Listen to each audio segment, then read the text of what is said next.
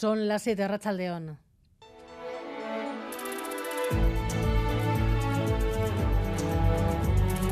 Gambara con Arancha García.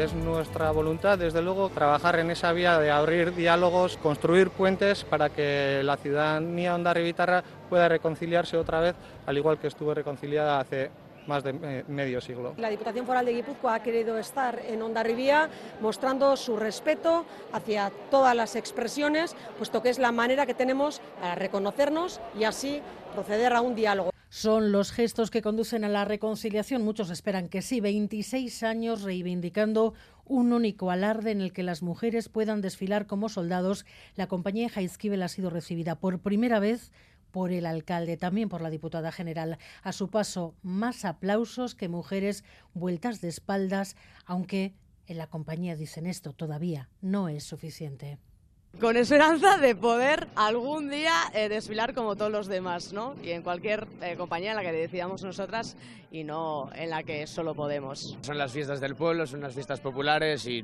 todo el mundo tiene derecho a disfrutar de ellas. Seguiremos en la pelea hasta que así sea.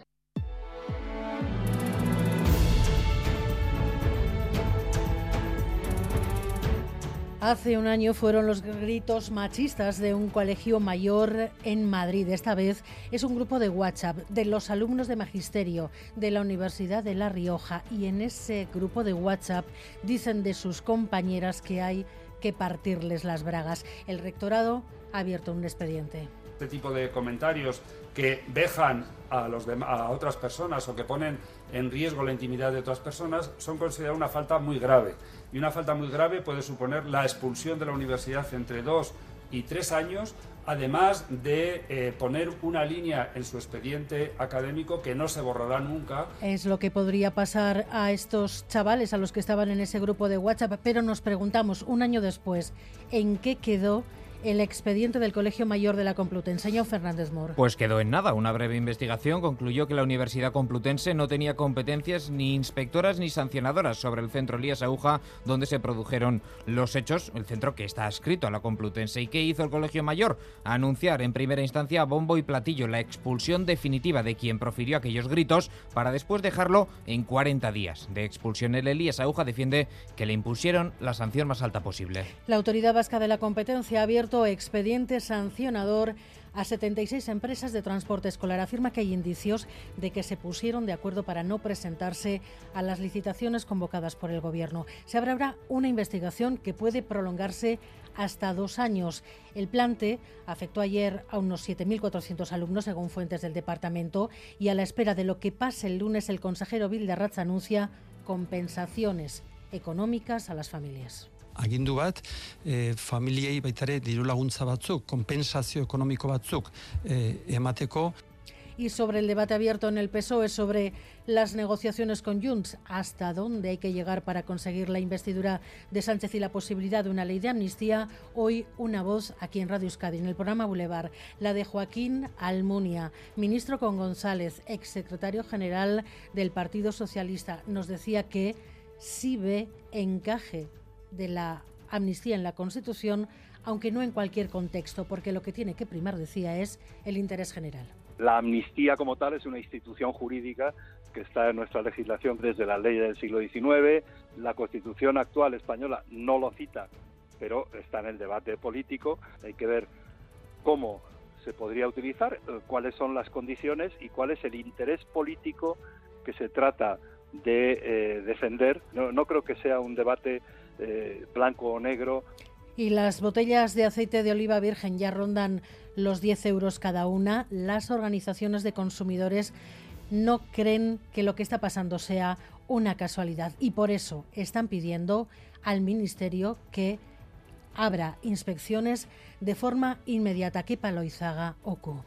Es que ahora, por así decir, estamos comprando en baldas el aceite del año pasado, lo que ya estaba producido, pero aprovechando que eh, dicen que la cosecha del año próximo pues va a ser peor, pues están aprovechando esas subidas para cobrarnos a precio de futuro lo que ellos ya han pagado a precio del año pasado. Tendrá que esperar un año. Javier Bardem no recibirá el premio Donostia hasta el Cinema al Día del año que viene, lo anunciaba el director del festival. La situación de la huelga de guionistas y de intérpretes hace que la entrega del premio física no pudiera ser como nos gustaría eh, y queremos que la entrega a Javier Bardem sea una gran fiesta y, insisto, de común acuerdo hemos decidido posponer la entrega, aunque sigue siendo premio 2023 y será siempre premio Donostia 2023, hemos decidido posponer la entrega al año que viene. ¿Y cómo viene el deporte, Edu García, Arrachaldeón? ¿Qué tal, Arrachaldeón? Pues marcado por la vuelta, sin duda, con la contención de la jornada número 13, con el final en el Tourmalet de explosiva etapa, que ha supuesto un festival completo del equipo Jumbo-Visma, que ha ganado con Jonas Vingegaard, que ha colocado a Sepp Kuss, líder de la general, en la segunda plaza de la etapa y a Primo Roglic tercero. Ha sido una exhibición del equipo neerlandés. Por detrás el resto, bien Miquelanda, que ha contado con los mejores, y mal Renko Benepul, hasta hoy gran candidato a repetir victoria, ganó el año pasado la vuelta, que ha reventado en el primer puerto en el Obisque y se ha dejado en la meta casi media hora con respecto a los mejores de la etapa. En la general, también los tres del Jumbo copan el podium virtual de momento de la carrera, con Kus como líder, Roglic segundo y Vingegaard tercero. Mikel Andas séptimo en la general, antes de afrontar la etapa de mañana, primera en solo Navarro, que va a llegar hasta, hasta Belagua, con el paso anterior por la RAU, uno de los puertos, si no el más duro, de esa edición de la Vuelta.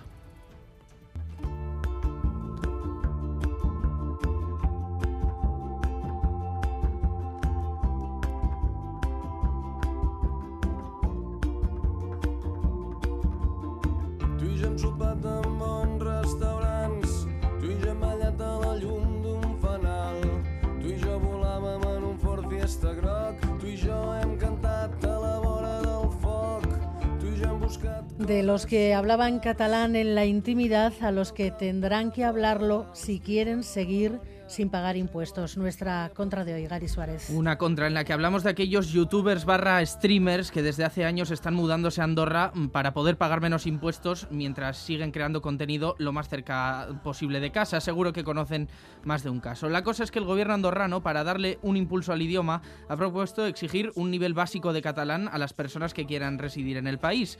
Los que no puedan acreditar este nivel tendrán que llevar a cabo un curso de 30 horas. Hoy analizamos distintos tipos de reacciones entre los streamers, porque hay de todo.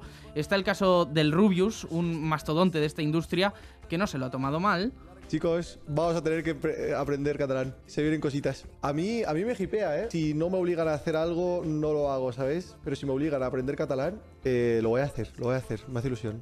Bueno, ilusión sí, pero ya lo de las clases... Voy a practicar con el Duolingo, ¿vale? Si esto acaba siendo real, voy a practicar con el Duolingo, pero espero que no tenga que ir a clases físicas. Hay también quien opta por bromear, como The Gref, otro de los streamers más grandes del mundo. Chavales, ¿cómo veis si a partir de ahora parlo una miqueta catalá en algunos trossets de, del stream? Si yo parlo catalá, ¿tú me entiendes o no, o no me entiendes? Y finalmente están los que se lo han tomado bastante mal, como Agustín51, en una reacción que se ha hecho viral estos días. Pero ¿cómo me vas a decir de un día para otro que llevo cinco años viviendo en Andorra? ¡Eh! Tú ahora, si quieres renovarla, de hecho, con mi casa aquí, con mis amigos aquí, con todo lo que yo tengo aquí, con todo, ahora tienes que aprender catalán. ¿Pero qué coño me estás contando? ¿Qué es esto? ¿Una puta dictadura o qué? Me gusta mudarme a lugares libres, que respeten la ligera línea entre la vida de los demás. ¿Entiendes lo que te quiero decir? Eso es lo que me gusta a mí para un lugar, para vivir. Un discurso un tanto peligroso, sobre todo si tenemos en cuenta que tiene casi 800.000 seguidores, la mayoría jóvenes, tan solo en su canal de Twitch.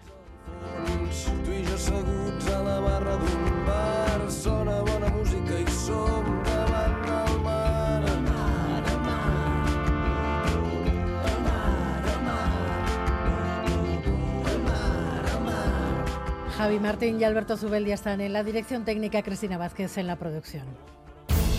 Gambara con Arancha García.